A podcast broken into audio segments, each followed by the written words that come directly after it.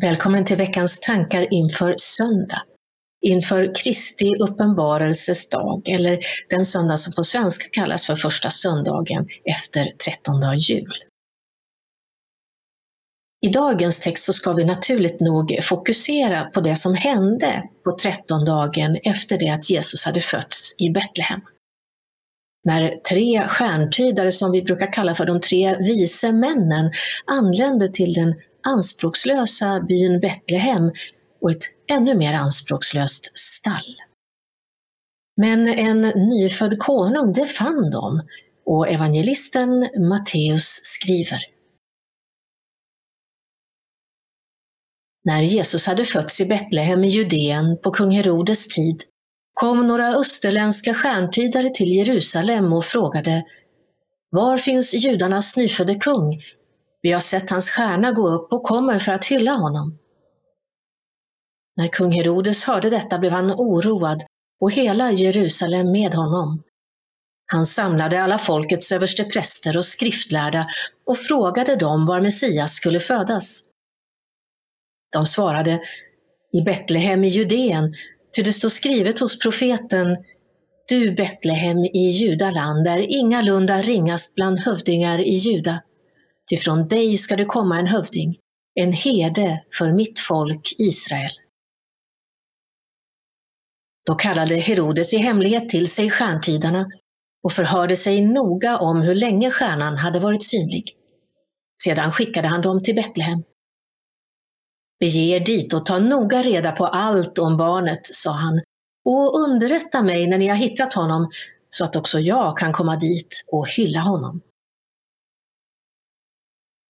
Efter att ha lyssnat till kungen gav de sig iväg och stjärnan som de hade sett gå upp gick före dem tills den slutligen stannade över den plats där barnet var. När de såg stjärnan fylldes de av stor glädje. De gick in i huset och där fann de barnet och Maria hans mor och föll ner och hyllade honom. De öppnade sina kistor och räckte fram gåvor, guld och rökelse och myrra. I en dröm blev de sedan tillsagda att inte återvända till Herodes och de tog en annan väg hem till sitt land.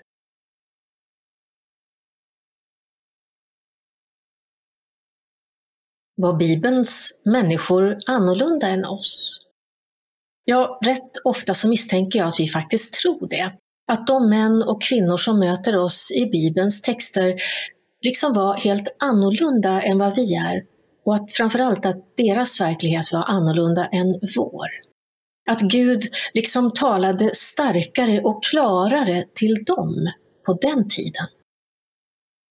Men Gud har aldrig gått att finna i starka stormar, i jordbävningar eller i skrämmande eldsvådor. Det vet profeten Elia. Istället har Gud funnits i det helt stilla suset. Nej, Gud har ytterst sällan talat till människor genom dunder och brak. Däremot har människor varit olika bra på att lyssna när Gud faktiskt har talat till dem. När stjärnan först dök upp över Betlehem, ja då var det med all sannolikhet många stjärntydare som såg den. Det var förmodligen några av dem som också förstod vad den innebar, men så vitt vi vet så var det bara tre av alla dessa som faktiskt tog det hela på allvar. Det var bara de tre som gjorde slag i saken, som gav sig iväg på en strapatsfylld och lång resa för att lämna sina dyrbara gåvor till den nyfödde kungen. De gjorde det på vinst och förlust. För några garantier, ja det hade de ju inte. De hade kunnat missta sig. De hade kunnat bli rånade eller kanske till och med dödade på vägen. Men ja, det fanns ju många skäl till att de inte skulle ge sig iväg utan hellre stanna hemma i sin behagliga tillvaro. Men eh, de tog stjärnans budskap på allvar. De gav sig iväg med packade gåvor och det gjorde hela skillnaden. När de sedan befann sig där och anlände till kung Herodes hov, då lyssnade de återigen till den där lilla stilla susningen. De tre männen förstod inte bara det uppenbara att de hade anlänt till helt fel kungafamilj, utan eh, de förstod också drömmens budskap. Att både de och den nyfödde kungen svävade i livsfara om de gjorde som kung Herodes sa och återvände till hans hov. Utöver det så var de tre vise männen tillräckligt fördomsfria för att acceptera att kungen de faktiskt sökte inte vilade i en vagga av guld och ädelstenar utan i en väldigt anspråkslös krubba. Så det som fick de tre männen att vara just visa, det var att de noterade de stilla susen. Att de såg och hörde precis exakt samma saker som alla andra, men ändå uppfattade en djupare innebörd. De lyssnade efter Guds röst och tog den på allvar. Resultatet, det vet vi. Maria och Josef, de fick inte bara ett bevis på att deras son faktiskt var väldigt speciell.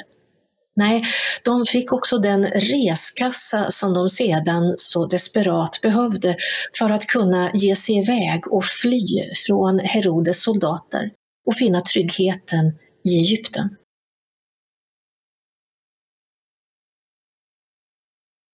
Hade inte stjärntydarna lyssnat till Guds budskap, ja, då hade det kunnat sluta på ett väldigt annorlunda sätt för den nya familjen. Men de lyssnade och det gjorde skillnaden. Låt mig så återvända till den punkt där jag började. Är Bibelns människor annorlunda än vi? Var de väldigt annorlunda än vad vi är idag?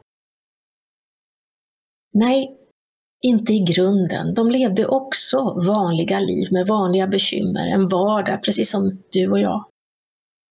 Men det som kanske skiljer oss åt, det är att de levde i en tid när man var lite bättre på att bejaka tystnaden och bättre på att lyssna till Guds röst efter det stilla suset av Gud och Guds budskap som man faktiskt kunde hitta i tystnaden. För oss är det möjligtvis en större utmaning. Vi behöver koppla bort oss från allt brus som översköljer oss varje dag och som ständigt omger oss innan vi kan börja lyssna på allvar. Men när vi gör det, då upptäcker vi en helt ny värld. En gudomlig värld, där Gud talar till oss om vi bara vågar gå in i tystnaden och verkligen lyssna efter hans röst. Och stjärnan, den stjärnan som lyser oss hem till Gud, ja den, den brinner redan i ditt inre. Gud välsigne dig.